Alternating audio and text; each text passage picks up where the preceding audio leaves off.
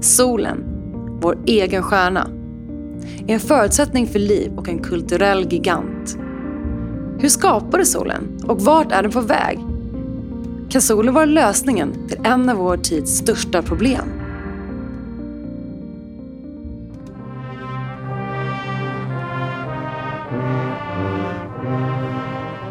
Varmt välkomna till Professor Magenta, en naturvetenskapspodcast på svenska. Vi som gör den här podcasten heter Katarina och Rickard. Vi försöker förstå oss på naturvetenskapliga fenomen genom att samtala med forskare inom naturvetenskap och humaniora samt konstnärer.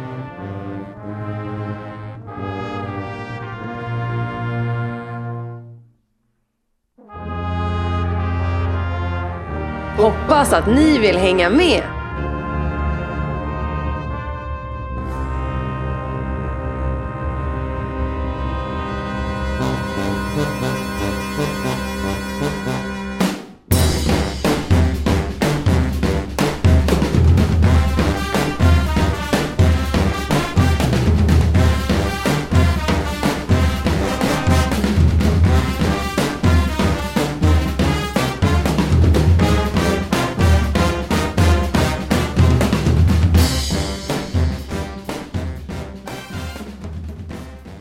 Varmt välkomna till Professor Magenta och avsnitt två om solen.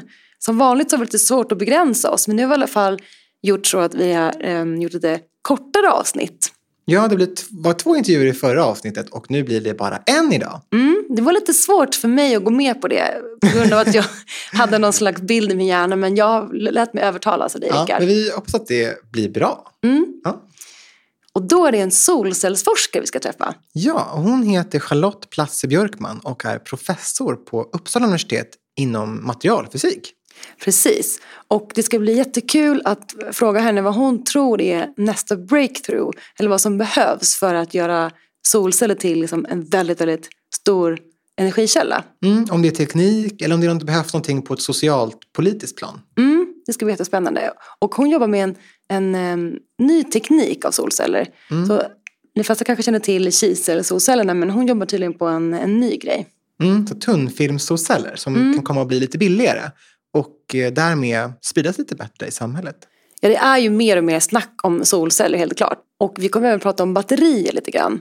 Mm, det måste ju lagras på något sätt. Mm, precis. Och det är också en stor framtidsgrej som är på tapeten just nu. Mm. Så det ska bli jättespännande att kunna fråga henne om det. Och det är också kul att hon gör tillämpad forskning. Vilket är um, lite annorlunda från vad du och jag gör, Rickard, som gör um, grundforskning. Det Ja. ska bli kul att prata med någon som gör något hands-on, ja, och som kan ha liksom, implikationer ganska snart. precis i samhället.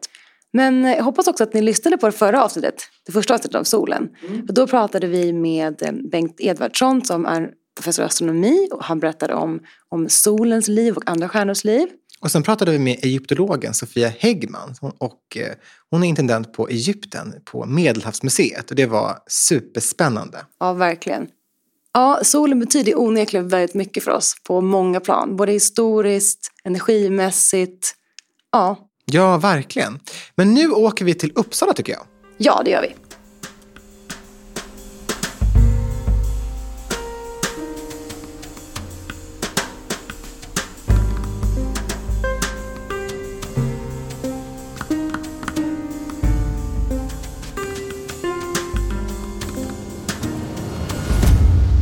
Innan vi kör igång så vill vi tipsa om våran hemsida. Mm, det vill vi ju alltid göra. Ja, professormagenta.se.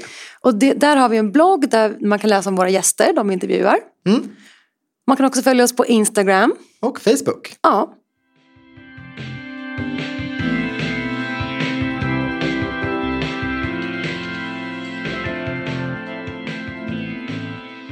Och sen kommer vi som vanligt spela bra ny musik. Och den här gången lite speciellt för eh, det är faktiskt en kompis till både dig och mig Rickard som är med i bandet, Jonas.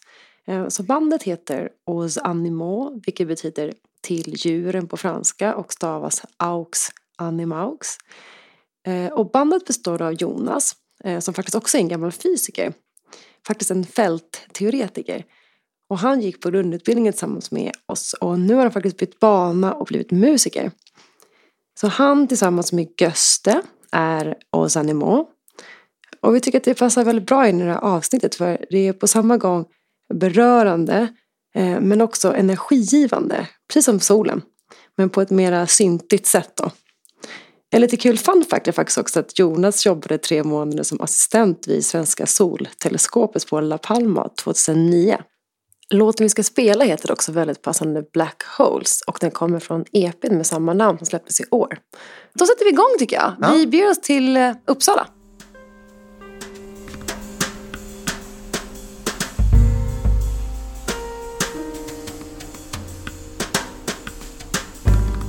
Nu sitter vi här på Charlotte Platzer Björkmans kontor på Uppsala universitet. Mm.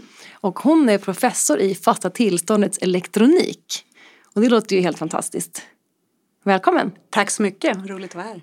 Kan du berätta hur du, hur du blev den här eh, titeln? På gymnasiet så läste jag naturvetenskaplig linje men tänkte då eh, kanske min framtid som journalist. Var allmänt nyfiken och, och gillade att skriva och ta reda på saker. Eh, men sen kände jag att jag ville, jag ville veta mer om någonting specifikt och eh, hamnade på civilingenjörsutbildning teknisk fysik här i Uppsala. Eh, och eh, jag märkte sen att det passade mig, eh, även om jag var tveksam i början. Jag hade svårt att identifiera mig som ingenjör. Jaha, intressant. Ja. Eh, och eh, under utbildningen så blev jag mer och mer intresserad av material. Eh, hur, hur vi får egenskaper hos material som beror på atomerna och elektronerna i materialen. Eh, och eh, jag kom i kontakt med eh, solcellsforskning och tyckte då att det var en perfekt match mellan materialfysik, materialvetenskap och en väldigt bra tillämpning, förnybar energi. Kan du berätta lite sappar om din forskning och liksom ditt intresseområde? Ja, vi jobbar då med att utveckla nya solcellsmaterial som ska kunna användas i eh, effektiva solceller som går att tillverka till låg kostnad. Och om vi börjar med situationen globalt idag så använder vi väldigt mycket fossil energi, eh, olja, naturgas, eh, icke förnybara källor och då vet vi problemen med eh, påverkan på klimat och så vidare. Och om man då tittar på de förnybara källorna som sol, den solinstrålning som träffar jorden. Vi har vind, vi har vågor, eh, det finns biomassa och så vidare. Så har solenergi den absolut största potentialen. Ungefär 10 000 gånger mer eh, flödar in till jorden än vad vi använder idag i form av energi. Mm, det finns en kapacitet helt enkelt Ja, som är intressant. Så Ja. om man skulle täcka hela jorden med solceller så skulle man kunna fånga upp allt det här? Ja, och man behöver inte täcka hela jorden eh, eftersom det är så mycket mer som flödar in än vad vi använder. Så en Så man 10 bruk- 000 del skulle man behöva täcka? Ja. Och en annan fördel med solenergi är att den är relativt jämnt fördelad över jorden. Och det kan man tycka låter konstigt när vi sitter i Sverige. en dag som denna. Eh, Men vi har solinstrålning eh, överallt på jorden där människor bor. Medan eh, vågor eller strömmar eller vind för den delen också är mindre fördelat eh, Mm. på Det jorden. finns en demokratisk aspekt kanske där också. Om Ja. man tänker på framtiden. Det gör det. För även Ja. fossilt bränsle idag skapar ju stora politiska konflikter. Det där är en jätteintressant aspekt Mm. eh, och, och helt sant. Och, och samtidigt är det ju så att förstås i solbältet eh, närmare ekvatorn, Sydeuropa och så vidare, ja där har man ju mer solinstrålning. Men vi har väldigt mycket solinstrålning i Sverige också. Den solinstrålning som, som kommer till jorden kan man då använda på olika sätt. Och ett sätt är ju att värma en vätska och det brukar vi kalla solfångare. Eh, och då har man, eh, antingen skulle man ju kunna värma vatten direkt och då använda det varmvattnet. Men ofta så värmer man upp ett annat medium och så har man en värmeväxlare. Och sådana solfångare används i, i Sverige och i många länder och eh, just för uppvärmning eller för eh, tappvarmvatten. Det är väldigt bra att värma upp pooler med det till exempel. Så det är en, en teknik som man kan använda. Och det är också någonting som är på ett tak då? Eller? Det kan man ha på ett tak. Eh, det är ganska vanligt. Man kan ha det liggande på backen eller stående. Eh, Men det är, man slags, ibland. är det en slags behållare? Alltså, hur ser de, De ut? ser ut lite grann som solcellspaneler på långt håll men tittar man närmare så är det små skillnader. Och det finns lite olika tekniker där också. Man kan ha vakuumrör, då minskar man förlusterna genom att ha i vakuum. Det är en teknik, eller så har man mer som plana ytor. Och de ser sådär mörksvart, blå ut som solcellsmoduler också kan se ut. Eh, Men det är ju inga elektriska kopplingar utan det är någon, någon vätska som pumpas runt i de här och eh, går till en ackumulatortank och värmeväxlar och så in i ett system på något sätt. Men då har vi lite energiomvandling, eller hur? Det kan vi komma in på. Att ehm, det strålar in solljus Mm. och sen så omvandlas det till någonting. Kan du förklara lite mer om det? Ja, och då är ju det eh, lite olika i de olika materialen, vi- vilken typ av omvandling man vill ha. Och nu pratade vi precis om solvärme, men då kan jag mm, först bara nämna de andra teknikerna då. Så att solceller, som är den andra tekniken, där har vi då direkt omvandling till elektrisk energi. Eh, Medan i solfångare så blir det ju värme, värmeenergi, en högre temperatur hos ett medium. Och den här högre temperaturen kan man använda på två sätt. Antingen så använder man den direkt för uppvärmning eh, och bara leder den vidare någonstans. Eh, in i ett element kan man tänka. Eller ett eh, golvvärme är en typisk. Eller så kan man då eh, komma upp i ännu högre temperaturer och leda det till en generator och, och eh, alltså få elgenerering. Och då är det det som kallas koncentrerad solkraft. Och det är någonting som man eh, inte hittar i Sverige. Utan i de här riktigt soliga länderna där man har mycket direkt solinstrålning. Är det en hydraulisk genom... Eller hur, alltså, hur funkar Nej, en, tu- en turbin med en generator helt enkelt. Ångturbin. En ångturbin? Ah, Okej, så det förångas. Okej. Och då driver, Och driver den rörelsen. Ja, Så precis. att, och, och där kanske vi ska nämna också att, ehm, att temperatur är kopplat med rörelse hos, hos molekylerna i vätskan, eller hur? Mm. Så det är en rörelseenergi på liksom atomär nivå.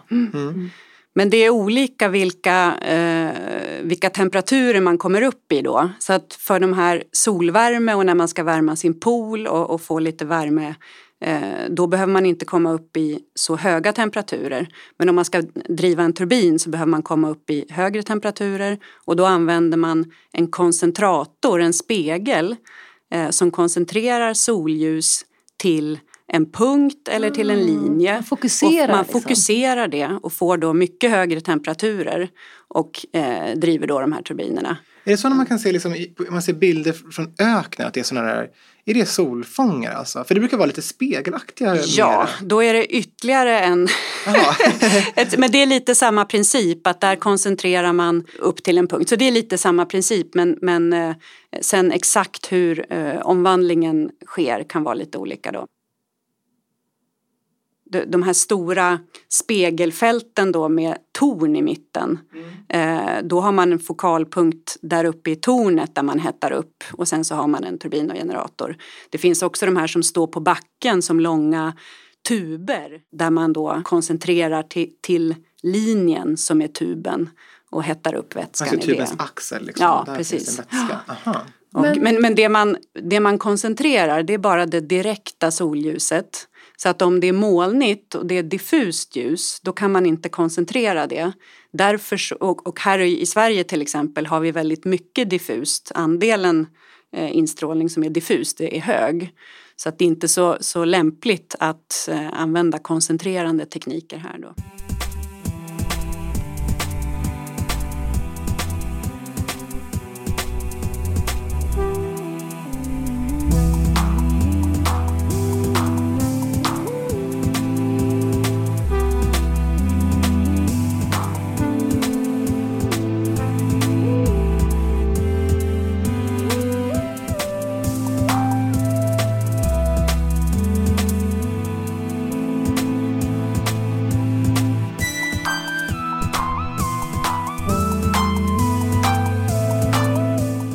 Så det finns lite olika anledningar att välja så att säga, olika tekniker. Geografiskt då, hur mycket direkt solljus man har. Vad finns det för andra as aspekter att ta hänsyn till när man ska investera? Ja, nej, men en sak är ju var man använder energin och vilken energi man vill använda. Så det är förstås skillnad på värme eh, och elektrisk energi. Och vi, vi, vårt samhälle behöver ju mer och mer eh, elektricitet. Vi, vi använder mer och mer och nu börjar vi prata om elbilar eh, som kommer mer och mer och vi har en mängd elektriska apparater. Ja, elcykeln. Vi, elcykel, precis. Mm. Och därför så, så, är ju elektricitet väldigt värdefullt, elektrisk energi väldigt värdefull.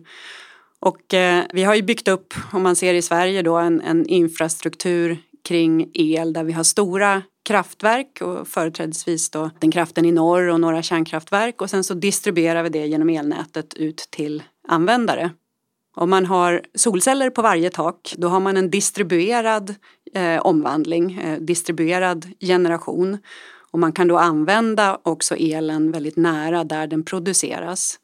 Det kan minska överföringsförluster i nätet och det skulle också kunna innebära en, en eh, mindre känslighet för störningar så att säga. Om ja, man klarar av att driva. att det var mm. tvärtom. För att ja. om, jag tänker att styrkan med nätverket är att man kan men de kanske fortfarande är ikopplade varandra. Jag tänker om alla har en egen solpanel. Mm. Och om den går sönder så kan i dagens system så, så sker ju det automatiskt. Om ett kraftverk går sönder så öppnas slussarna på ett annat vattenkraftverk mm. för att ge reservel då? Ja absolut och det är, det är en jättestyrka med, med eh, nätet och, och, det är väldigt värdefullt. Men det händer ju också att, att eh, som du säger att, att saker och ting går ner och elledningar fallerar och så vidare. Eh, och vi här, det var inte länge sedan vi hade strömavbrott här i labbet och våra maskiner gick ner och mycket besvär och så vidare. Men om man har distribuerad elgeneration. Lokal, eller kan man säga det också? Ja, lokal, precis, på, ute på flera ställen. Mm. Om, om nätet är uppbyggt så att man kan fortsätta att använda det lokalt även om eh, någon elledning i Tierp har, har gått ner, ja då mm. blir ju Just det, då blir det ännu mer stabilt. Större. Ja, ja, då blir det en större en kombination stabilitet. av de två olika bästa aspekterna av Ja men två. precis. Mm. Det känns som att alltså, antingen är man, man är känslig för att själva systemet går ner eller för att en punktkälla går ner. Mm. Och om, om, man är känslig för att systemet går ner då påverkar det ju flera. Mm. Man behöver ju helt enkelt bygga upp en säkerhet som tar båda de aspekterna i hänsyn. Liksom.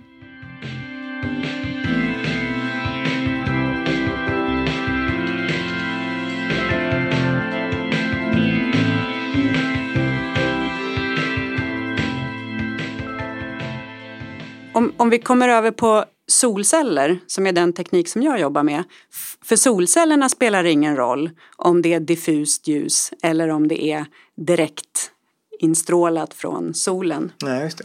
Men om man med en spegel ska koncentrera någonting till en punkt eller till en linje, ja då spelar det roll med riktningen. Då kan det inte gå huller om buller liksom, då får man ingen förstärkningseffekt. Då. Som att mm. kasta massa bollar på ett bollplank och de kom från samma håll skulle de studsa samma håll. Men om man kastar massa bollar från random håll så blir det bara en gröt igen. Ja, då på, kraften på bollplanket kanske tar, tar ut liksom då. Ja, då kommer det komma olika riktningar sen. Det är svårt att liksom koncentrera. Är det någonting sånt ja, man kan tänka Precis. Ja. Men solcellen kan svälja alla de där bollarna oavsett vad de... Och det är det du håller på med? Solceller. Det är det jag håller på med, mm. precis. I solceller så tar vi då upp energin från ljuset, de här fotonerna som kommer och omvandlar det till elektrisk energi. Och då är det elektroner som får en högre energinivå. Man säger att de exciteras. Just det, I atomen så har elektronerna då olika energinivåer kring atomkärnan. Ja. Vi brukar prata om skal, att de befinner sig i banor kring atomkärnan. Det är väl lite eh, diffust. Men, men de har olika energinivåer och kan mm. få högre energinivåer om de får ljus då som kommer in. Precis. Mm. Och i de material som vi använder för solceller det är ju då eh, fasta material, kristaller mm. kan vi säga. Det vanligaste är kisel, kiselkristallen. Och när då atomer sitter i, i en eh, kristall då sitter de väldigt periodiskt, atomerna sitter i sina små rader och sina små plan. Och då blir inte de här enskilda nivåerna eller skalen eh, som vi har i atomer utan då blir det band av energinivåer banden är att det inte bara är en, en energinivå utan det är en fördelning av energinivåer som ligger nära varann som elektronerna kan ha. Sen finns ja, det, det då... ett continuum? Ja, ett kontinuum precis. Mm. Och sen finns det band av nivåer, energinivåer som elektronerna inte kan ha. Men det är en del av en kollektiv effekt då, för att de är så många i en kristall. Ja, för att det är en periodisk, det är en symmetri Just det. som, som ger den här effekten. Intressant. Mm. Vi pratade ju om, om kristaller i vårt avsnitt om symmetrier, ett av dem. Mm. Jag undrar fortfarande om em, elektroner då är liksom mera fria från sina atomer i de här banden. Eller tillhör de fortfarande en, en atom? Nej, utan i, i när, eh, till exempel då när en elektron exciteras, hoppar upp till det vi kallar för ledningsbandet. Då är den fri att röra sig och hör inte till någon, någon särskild atom. Och det är en, en stor del av poängen. Det är lite ha, havet stormar typ. Att man leker. Man slår på musiken där och så kan alla springa runt hur de vill. De hör inte längre till en viss stol. Nej. Och den som blir fri sen, det menar du att det är den som är uppe i ledningsbandet då? Eller kanske till och med den som alla, när de springer runt allihopa så är de liksom i ledningsbandet. och- Och ledningsbandet är då att då, då är det ström, de kan utgöra ström helt enkelt. Ja, precis. Men det som eh, är grejen med solceller då det är att man, man gör, det, det är två viktiga saker för en solcell. Och det ena är att man på ett, eh, på ett effektivt sätt tar upp de här fotonerna som kommer in och kickar upp elektroner i det här ledningsbandet och det är alltså absorption. Att, att de absorberar effektivt. Men om man bara lämnar dem där så kommer de tappa den här energin, ramla ner igen och skicka ut överskottsenergin antingen som värme, rörelse i materialet eller som ljus.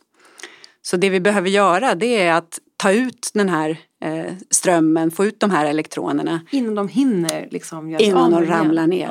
Ah. Och det gör vi genom, kan man göra på olika sätt. Eh, och i, i såna här, Eh, den typ av solceller av fasta eh, material som, som jag jobbar med så gör man det med ett inbyggt elektriskt fält. Man gör en diod, en likriktare som dessutom då absorberar solljus väldigt väl.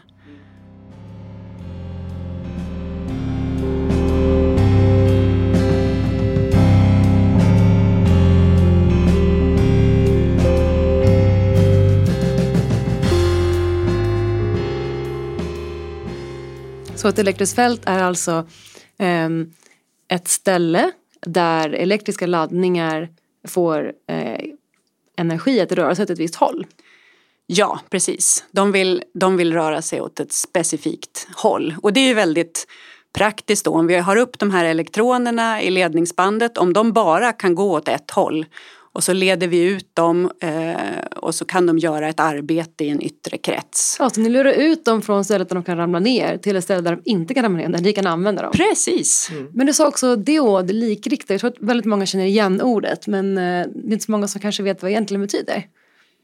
Nej, och en, en eh, diod och likriktare det är bara två, två namn på, på samma sak. Och det handlar just om att man bara leder strömmen i ena riktningen. Och det använder man då, det är en, en, en elektronikkomponent som man kan använda i olika elektronikkretsar för att, för att styra olika saker. Och en solcell är egentligen en sån diod med det bivillkoret att den också ska absorbera solljus väldigt väl. Vi har ju också den, alltså den, mest, den mest kända dioden. Den kanske är, det är LED. Alltså Light Emitting Diode. Ja, Det är ju också ett, en slags diod då. ja och det är en bakvänd solcell.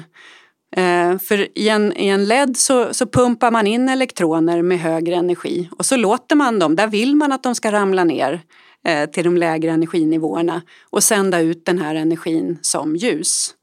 Och de, de har då, det ljus de sänder ut, det har en, en eh, specifik våglängd för det är just energigapet, skillnaden mellan den energi de har uppe i ledningsbandet och den energi som de har när de har ramlat ner.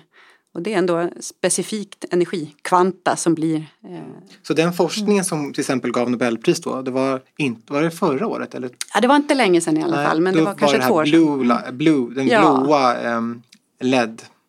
Precis. Um, dioden då. Eh, Och det, den forskningen kan man säga, i och med att du sa att det var en omvänd solcell, så det är relaterat då på många sätt? Eller? Ja, det är relaterat men det är inte samma, riktigt samma egenskaper man är ute efter. Utan för solcellen så, eh, så vill man ju få ut laddningarna eh, ur dioden och få dem att göra ett arbete. Medan i ledden så vill man att de ska ramla ner. Vi kallar det rekombination. I solcellen då, det här inbyggda elektriska fältet, det, det kan man skapa genom att ha någon form av asymmetri i, i materialet på ena och andra sidan eh, om, om fältet. Alltså att man har en, en sida som är, eh, kan ha ett överskott på fria elektroner och en annan sida som har ett överskott på fria positiva laddningar, det vi kallar för hål, som egentligen bara är avsaknad av elektroner. Mm. Eh, och eh, det här är, det kan då eh, skapa ett inbyggt elektriskt fält. Det är mycket lättare sätt att förstå fält på egentligen. För vi vet att elektriska laddningar dras mot elektriska laddningar av, en, av den motsatta laddningen och repelleras uh, av de som har samma laddning. Mm. Så då kan man egentligen tänka sig bara ett fält som att det om man är en, en, en viss laddning så är det massa av ena laddningen på ena sidan och massa på andra och då kommer man att vilja åka till, vilja är dåligt ord kanske men då kommer man att dras till ett håll. Mm, ja men det, det är en bra, bra förklaring. Mm. Så du skapar alltså ett elektriskt fält där inne i kristallen med hjälp av olika laddning, laddningssymmetri. Asymmetri. Asymmetri. Mm. ja, precis. Och eh, det, det, man gör då det är att man, eh, man säger att man dopar materialet. Och eh, dopning har man ju hört om i, i idrottssammanhang men det här är någonting annat. Så att man tillför en, en annan atom. Så att i, i kiselsolceller då, som är det enklaste materialet kanske att beskriva. om man då tar Fosfor till exempel, så som en fosforatom som tar en kiselatoms plats. Då har den en extra elektron. Mm. Mer än vad en kiselatom har. Och den, den elektronen blir så att säga över. Eh, och om man, vid absoluta nollpunkten så är den inte fri att röra sig men vid rumstemperatur så finns tillräckligt med energi för att den ska kunna komma upp i det här ledningsbandet väldigt enkelt och kunna vara fri och röra sig. Och det som blir kvar då är en plusladdad eh, jon inne i kiselgittret. Vi kallar den här kristallen och det mönstret för ett gitter då där man sitter. Eh, så den sitter fast men elektronen är fri att röra sig.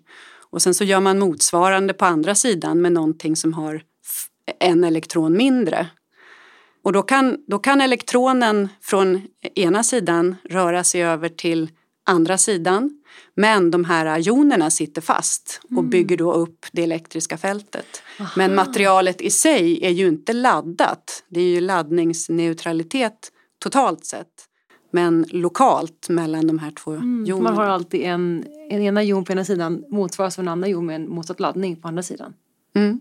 Men det låter ganska svårt att byta ut ja, platsen på en enskild atom. Ja, det kan det vara. Mm. Eh, men det har man lärt sig att göra. Man kan antingen diffundera in fosfor då till exempel. Man lägger på lite fosfor i, i olika föreningar på kisel och med temperatur så driver man in det, man diffunderar in det. Mm. Och man har lärt sig då eh, genom, efter många år att, att kontrollera det väl. Eh, man kan också skjuta in, implantera fosfor, jon, eh, jonimplantera. Mm. Så det finns olika sätt att göra det där då.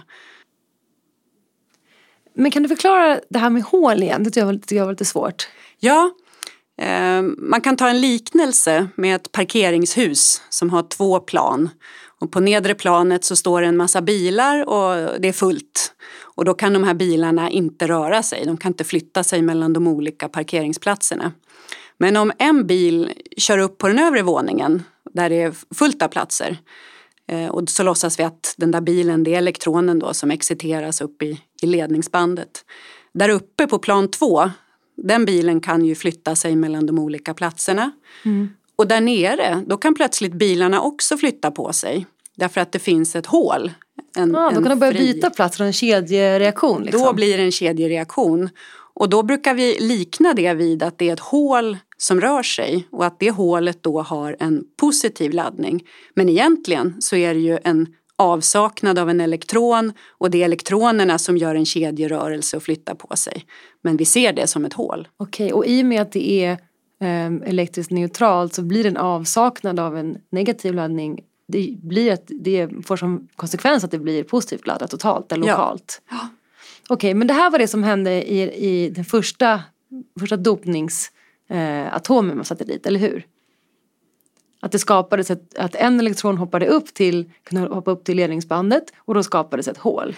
Ja, det är det som händer vid ljus, när, när man absorberar ljus. Så att om man, om, när en foton kommer in och, och överlämnar sin energi till en elektron i valensbandet, då exciteras den till ledningsbandet. Då har man, ju både, då har man ett elektron-hålpar. Mm. Så det är vad som sker i ljus, ljusexcitationen. Okay. Mm. Eh, och det kan mm. också ske av, av värme eh, lite grann. Mm. Men det här med dopning, det är något annat. Då har man stoppat in en annan atom som har då en elektron som, som mycket lättare kommer upp i ledningsbandet och den kommer inte från valensbandet. Ah, så det blir inget hål? Då? Nej, just det, det blir inget hål. elektron. En mm. extra mm. elektron. Och det, som, det, det, är ju fortfarande laddningsneutralt så att den här positiva laddningen den sitter i jonen fast i gittret. Så det är någonting annat. Mm. Och den här asymmetrin det är att man har extra fria elektroner i ledningsbandet. Och det är bara för mm. att förstärka effekten eller varför har man det? Det har man för att kunna göra det inbyggda elektriska fältet. Så att har man ett sånt material som då är n-dopat med extra elektron, fria elektroner och sätter det då med ett p-dopat material då kommer laddningar eh, röra sig från eh, elektroner från n-materialet till p-materialet och lämna bakom sig precis i gränsytan de fasta jonerna som då bygger upp ett elektriskt fält. Och då till slut avstannar den här diffusionen eh, för den motverkas av fältet. Man når en jämvikt och man har skapat något som kallas för utarmningsområde.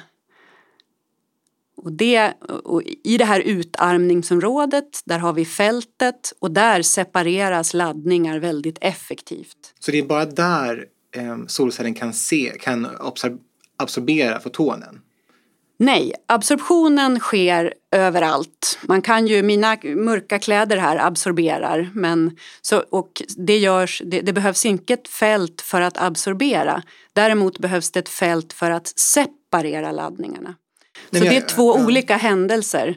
Så att vi absorberar solljus även där vi inte har ett fält. Men vi separerar laddningarna mest effektivt där vi har ett fält. Men vi klarar av att dra till oss några laddningar som är nära det här utarmningsområdet också. Så även nära den här regionen som är med fältet, ja. även nära där kan saker och ting attraheras. Men, men, om det är för långt bort då kommer det bara exciteras och sen och så ramla ner, igen. ramla ner Så då blir det ingen ström av det. Liksom. Nej, mm. precis. Så jag förstår varför man skulle ha det n-dopade materialet. Men mm. du sa också att man tillsatte ett p-dopat material sen. Varför behöver man det? Alltså det finns en, en mängd olika sätt att göra de här övergångarna och skapa de här fälten. Man kan göra det med, med strukturer där man har en isolator, en metall och lite andra varianter. Så det finns andra sätt att göra det. Eh, men det här blir för att få en, en viss utbredning, fysisk utbredning av utarmningsområdet och ändå en bra kvalitet i materialet och så vidare så, så fungerar PN-övergång väl.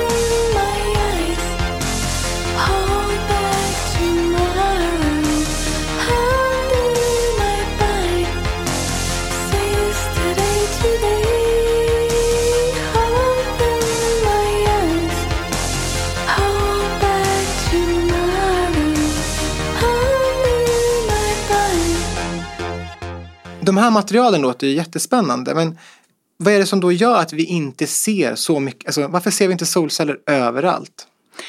Ja, jag tror att vi är, vi är ju inne i en kraftig ökning av solceller. Så att i vissa delar av världen så börjar vi nu se solceller nästan överallt. Och jag tror att det kommer sprida sig enormt mycket. Eh, men orsaken till att det börjar från en så låg nivå det har att göra väldigt mycket med priset, kostnaden. Och det, vi, vi har ju pratat om det här att man ska absorbera solljus och så ska man separera laddningarna och det här problemet då att de kan, elektronerna kan tappa sin energi, alltså rekombinera eh, innan de har hunnit fram som är ett stort problem. Och det kan de göra om det finns mycket defekter i materialet. Alltså om materialet är orent eller om kristallerna inte är hela, det är kongränser och eh, olika atomära defekter och saker som sitter fel helt enkelt. Och eh, i, alla verkliga material får man mycket sådana här defekter. Vad kan det, det bero på då? Att det blivit uppvärmt av misstag eller att, att det har liksom fått en, någon, ett slag eller vad beror det på? Nej, det handlar ju om hur man tillverkar de här materialen. Så att man, för att få den här absoluta um, periodiciteten i kristaller och göra en, ett, en stor skiva som bara är en enda kristall måste varje atom hamna på rätt plats och det kräver energi och tid och att det är extremt rent. Det får inte komma någon, någon annan atom och det ska inte vara syre och natrium och järn och, och vad det nu kan vara. Och det är klart att den typen av precision kostar ja, i en tillverkningsprocess. Mm.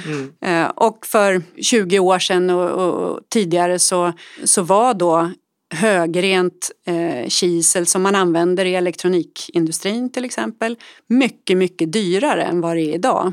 Och det som har hänt är att man har skalat upp volymerna enormt och man har också lärt sig att göra eh, bara tillräckligt bra kisel för solceller så räcker det med ganska bra kisel medan för elektronik, andra elektronikkomponenter behövde man ha ännu renare. Och eh, från början så använde solcellsindustrin bara det som blev över från elektronikindustrin. Men nu är solcellsindustrin mycket, mycket större användare av kisel än eh, elektronikindustrin och man gör sitt egen, eget eh, solcellskisel. Och ett vanligt användningsområde för kisel i vardagen det är ju till exempel alltså vår smartphone-kamera ja. till exempel. Ja. Hur eh, får man tag i kisel? Bryter man det i berg? Kisel, det, då är utgångsmaterialet sand, kvarts och sen så renar man det i olika processer och de är ganska energikrävande. Eh, och eh, mer tids och energikrävande ju bättre kvalitet man vill ha. Mm. Så det, var, det är orsaken till att det i, i, i grunden är, är dyrt. Men det som har hänt nu är att man har skalat upp det så kraftigt så att man har fått eh, storskalningsvinster. Eh, Samma typ av utveckling som vi har sett för mobiltelefoner och plattskärmar och, och annan sån elektronik. Mm. Men hur skapar man själva kristallen? Är det jag tänker man utvinner det ur sand eller ja, kvarts då. Ja. Men det tänker jag att det är massa små korn bara. Ja, så först... Sand ja. Ja. Nej men först så måste man ju bryta, eh, det är ju kiseloxid, så först måste man då bryta kiselsyrebindningen och det är energikrävande och sen så ska man, man, man rena det och så ska man kristallisera det. Så det, fin- det är, ja, det är en, mängd... konstgjord process alltså. Ja, det är en konstgjord okay. process. Så mm. det, det, är en mängd olika steg som, som man gör det här. Mm. Um, och, um, och sen dopa. Mm kristallen. Och sen ska man... Ja, det är lite komplicerat. Vi har i alla fall mycket öken. Det är någonting som ökar. Men du pratar, du pratar om specifikt kvarts då som är gjort av kiseloxid. Mm. Mm. Ja, så det är inte vanlig sand i, Jo, man kan utgå eller? från vanlig sand. Det är det? Mm. Det finns alltid kvarts. Det är samma? Jaha, det har inte jag fattat. Men du pratade om det här med låg, alltså få ner priset helt enkelt. Ja, precis. Och det jobbar du med också? Ja, så vi jobbar med en helt annan teknik. Vi jobbar inte med kisel. Eh, mm. Utan vi jobbar med något som kallas för tunnfilm. Mm. Så att eh, eh, det finns några nackdelar med kiselsolceller. Eh, och en nackdel är att det inte absorberar solljus så effektivt. Mm. Så man behöver ha ungefär eh, mellan 100 och 200 mikrometer tjockt kisel för att absorbera allt solljus som man kan ta upp med, med det materialet. Och vi jobbar med material där man klarar sig med en hundradel av den tjockleken. Mm. Och då pratar vi, då blir det billigare. Ja, mm. då blir det billigare. Och sen är det också det här med utarmningsområdet och så vidare. Att eh, i, i våra solceller så täcker utarmningsområdet en mycket större andel av hela solcellen mm. eftersom de är så tunna. Men vi pratade ju tidigare om det här att ja, det är bra om man, om man eh, skapar laddningarna i utarmningsområdet. För då är de i fältet och de separeras. Men sen så kan de diffundera om de är djupare in i materialet ändå. Men då är kravet på renhet och perfektion mycket högre. Eh, men för tunnfilmssolceller då, där utarmningsområdet är en väldigt stor del av hela tjockleken, då behöver de inte vara lika perfekta. Mm. Eftersom de inte behöver diffundera så långt. Vad är det för material vi pratar om här? Då finns det olika eh, eh, eh, material. Då. Ett eh, är koppar, indium, gallium, diselenid. Vi förkortar det SIGS, det låter ju krångligt. Men det är koppar, indium, gallium och selen. Mm. Eh, det finns ett annat material som heter kadmiumtellurid som används väldigt mycket. Eh, sen finns det ju ett solcellsmaterial som är väldigt bra, eh, galliumarsenid till exempel. Men det används inte i eh, storskaligt för tunnfilmssolceller eh, för det är väldigt kostsamt att tillverka eh, eh på stora ytor. Utan det är kadmium, tellurid och SIGS är de eh, stora teknikerna som finns på marknaden idag. Mm. Ordet film är bara att det är så tunt? Ja, det är att det är så mm. tunt. Det finns inte på rulle liksom? Man skulle kunna göra sådana solceller på rulle. Det forskas väldigt mycket på det. Mm. För huruvida det går att rulla eller inte det beror ju bara på vad man lägger de här filmerna på. Så att en till två mikrometer som är den totala tjockleken det är ju pyttelite. Ett hårstrå är kanske hundra mikrometer. Så det är en, en, liten del av ett hårstrå. Det är väldigt små saker, det är lite svårt att förstå. Ja. Hur, hur, alltså en solcell, hur stor är en solcell? Alltså inte hela panelen utan liksom en enhet? Ja, det är väldigt olika om man pratar om kiselsolceller eller tunnfilmssolceller. Kiselsolceller är eh, 6 tum i, i eh, diameter, en vanlig, vanlig storlek. Det är som en stor hand ungefär om man sträcker mm. ut den. Men tumfilmsolceller behöver man inte göra som stora fyrkantiga celler som man sen seriekopplar. Utan de kan man göra på ett helt annat sätt. Och då bestämmer man själv eh, hur de ska se ut. Det är ganska vanligt att man gör eh, tunna eh, remsor kan man säga. Alltså man tar en stor fönsterruta ungefär och sen så bygger man upp solcellen på den i tunna skikt. Och då lägger man först en bakkontakt, en, en metall och så mönstrar man den. Man ritsar små linjer, mellanrum mellan Eh, band av metall.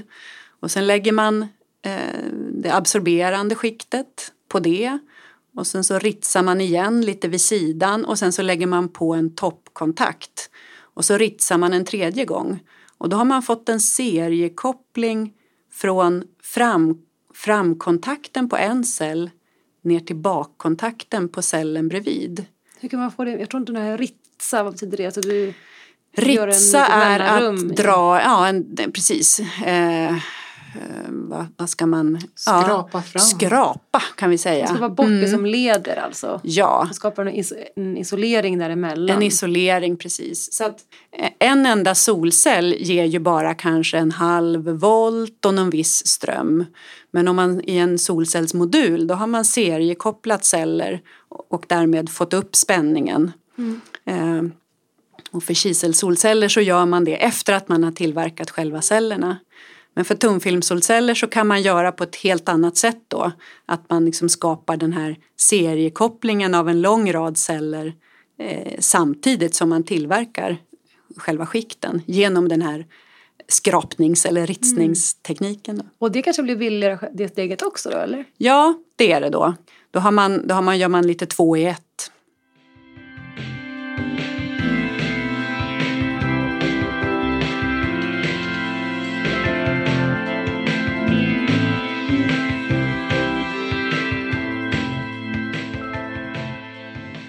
Så kan du sammanfatta de största utmaningarna som vi står för just nu med, med solceller?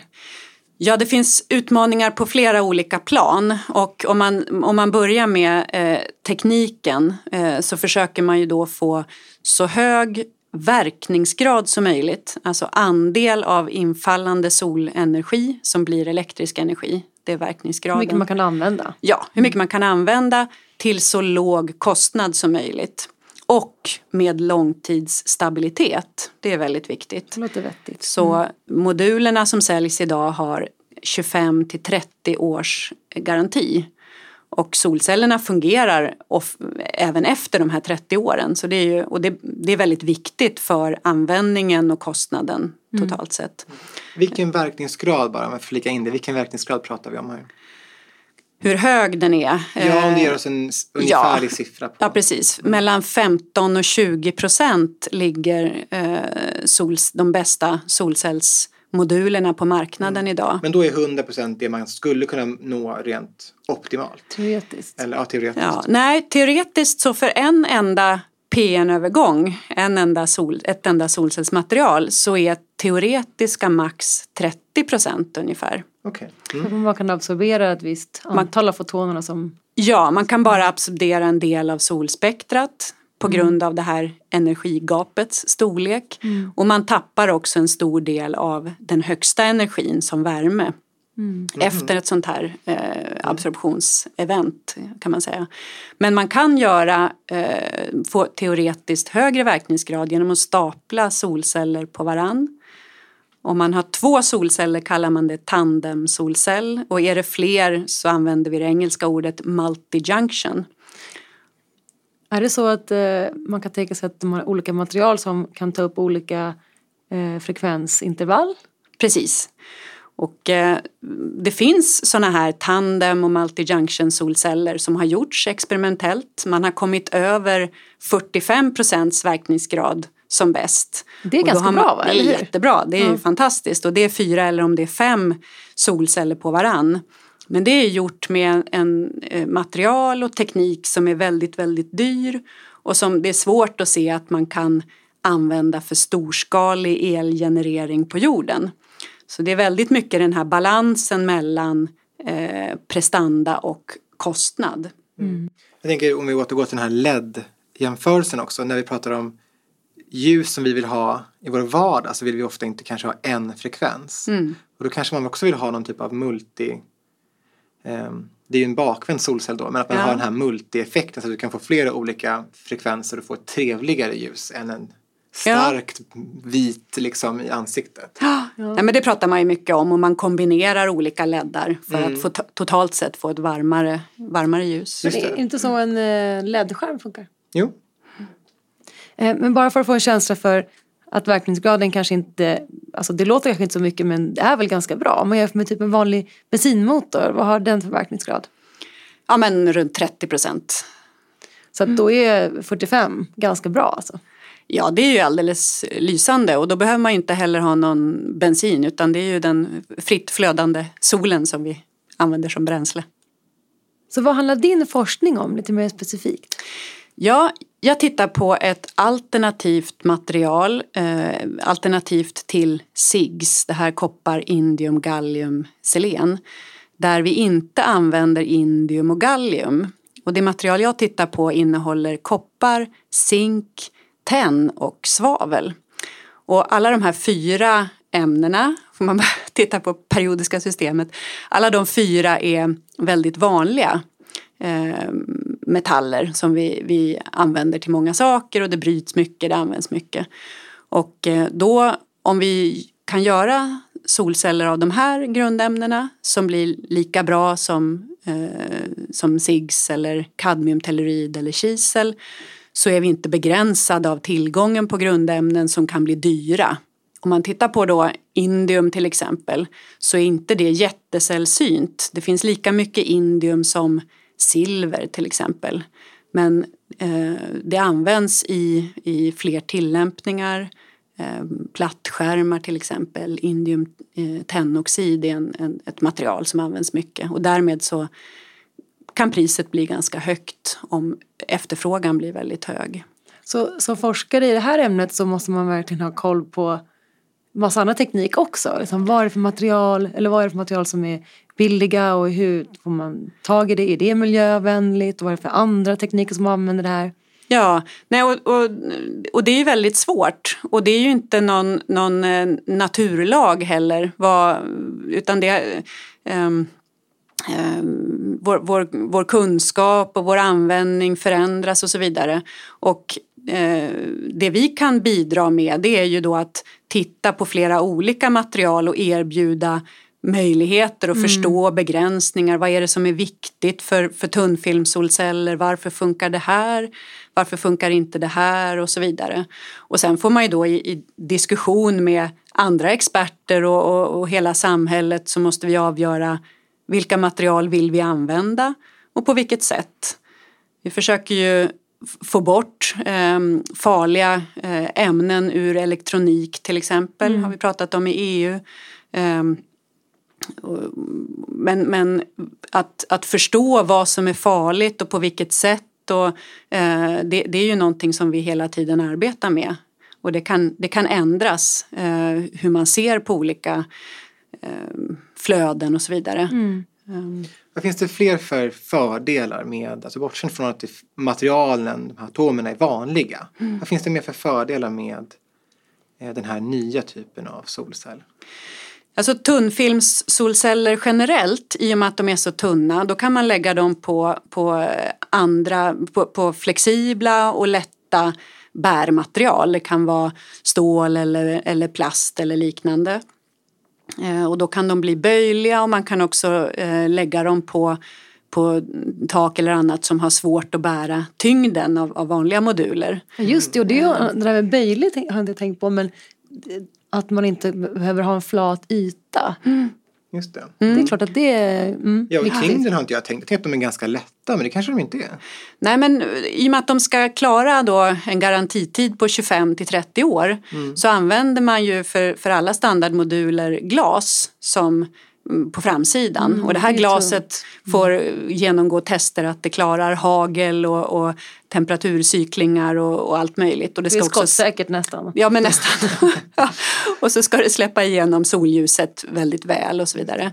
Eh, men det går ju att göra flexibla alternativ och det, det utvecklas väldigt mycket nu också. Det här med att det är svart, lite svartblått, är det en eh, inneboende egenskap hos just de här kristallerna man använder? Eller är det om vi pratar just de här solpanelerna man ser, eller är det det här glaset som är svart? Nej, det är, ju, eh, det är ju materialen och att det är svart betyder ju att det absorberar solljuset bra. Mm. Så det är inte en slump att man valde svart, en kristall som är svart? Nej, mm. det, det har man jagat efter. Men det arkitekterna nu vill, det är att man ska kunna ha solceller. Det, det som är häftigt med solceller är att man kan byta ut byggnadsmaterial, fasader och tak med solceller. Det är skitcoolt. Och då försvinner ju kanske, ja i bästa fall så skulle då eh, eh kostnaden nästan bli, bli noll. Om, om en, en solcellsfasad kostar lika mycket som en vanlig fasad och även då är klimatskal eh, så att säga. Mm. Men den dessutom genererar el. Då kommer man ju in i en helt annan, ett helt annat tänkande. Men då vill eh, arkitekterna ha möjlighet att få liv i fasaderna och med färger och det kan man göra. Eh, det finns, börjar komma fler och fler sådana produkter. Då tappar man lite verkningsgrad ja. men inte mm. jättemycket. Så men, det går att göra. Filmen, är den kommersiell också? Eh, ja, det finns ju kommersiella tunnfilmssolceller. Det finns en del flexibla, det börjar komma, men det är fortfarande ganska nytt. Och det handlar väldigt mycket om eh, att man ska certifiera långtidsstabiliteten hos de här flexibla produkterna. Okay. Mm. Och att man förlorar verkningsgrad när man har en färg på, det kanske ska förtydliga också. Och det är för att det att man ser en färg, det betyder att fotoner har, har studsat mot material reflekterat och inte absorberats. Ja, så att en del av, av spektrat tar man då inte tillvara i solcellen. Precis. Är det helt svart då har allt ljus som vi kan se i alla fall absorberats. Mm. Men det, kan, det kanske är värt det, det är ganska snyggt med lite färg. Jag tycker det är snyggt med svart också. Ja, vi forskare tyckte från början att det där var ju vansinne. Man ska ju förstås ha den högsta verkningsgraden. Men eh, jag börjar väl inse att eh, det, det, finns nog en poäng i att man kan ha olika utseende. Att man därmed kanske kan täcka större ytor än vad man annars ja, skulle ha gjort. Verkningsgrad kan ju både betyda verkningsgrad i kristallen då eller verkningsgrad i samhället. Ska solcellens verkningsgrad vara hög så kanske man måste mm. tumma lite på mm. den här designaspekten då kanske. Mm.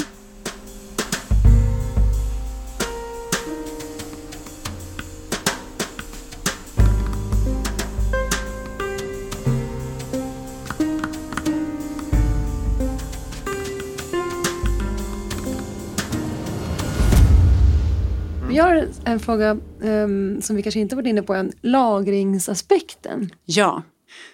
Um, ja, vi kan ju inte... Uh, solceller genererar el när solen lyser och ingenting när det är mörkt. Ja. Så är det.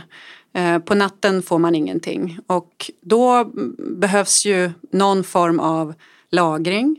Antingen så, som i Sverige så kopplar vi det till elnätet och man matar ut då solel när man överproducerar. Och det blir egentligen vattenkraften som är en form av lager. Mm, hur då?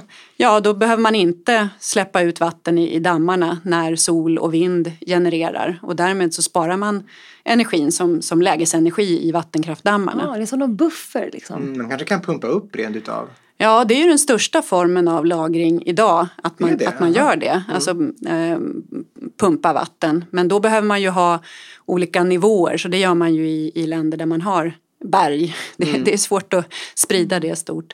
Men det man funderar mycket på nu är ju om, om batterier ska komma i, i alla hem. Eh, om vi ska ha elbilar som en del av den här lagringen. Vi pratade i början om, om solvärme och koncentrerad solkraft. Och för de teknikerna så kan man ju faktiskt lagra. Värme kan man lagra en tid i en ackumulatortank. En isolerad tank? Ja, en isolerad tank, precis.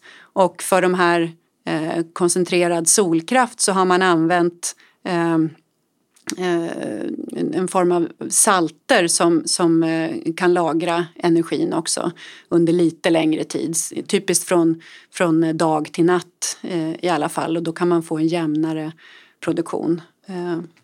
Men det tänker också på vad du sa tidigare med distribuerat system. Mm. Att det kanske är bra om, om man kan få till det så att varenda familj då har sin egen solcell och sitt eget lagringssystem kanske i form av ett batteri då. Istället för att allt ska lagras i, på ett ställe i, i någon stort vattenkraftverk som också är kopplat till elnätet som är känsligt för störningar.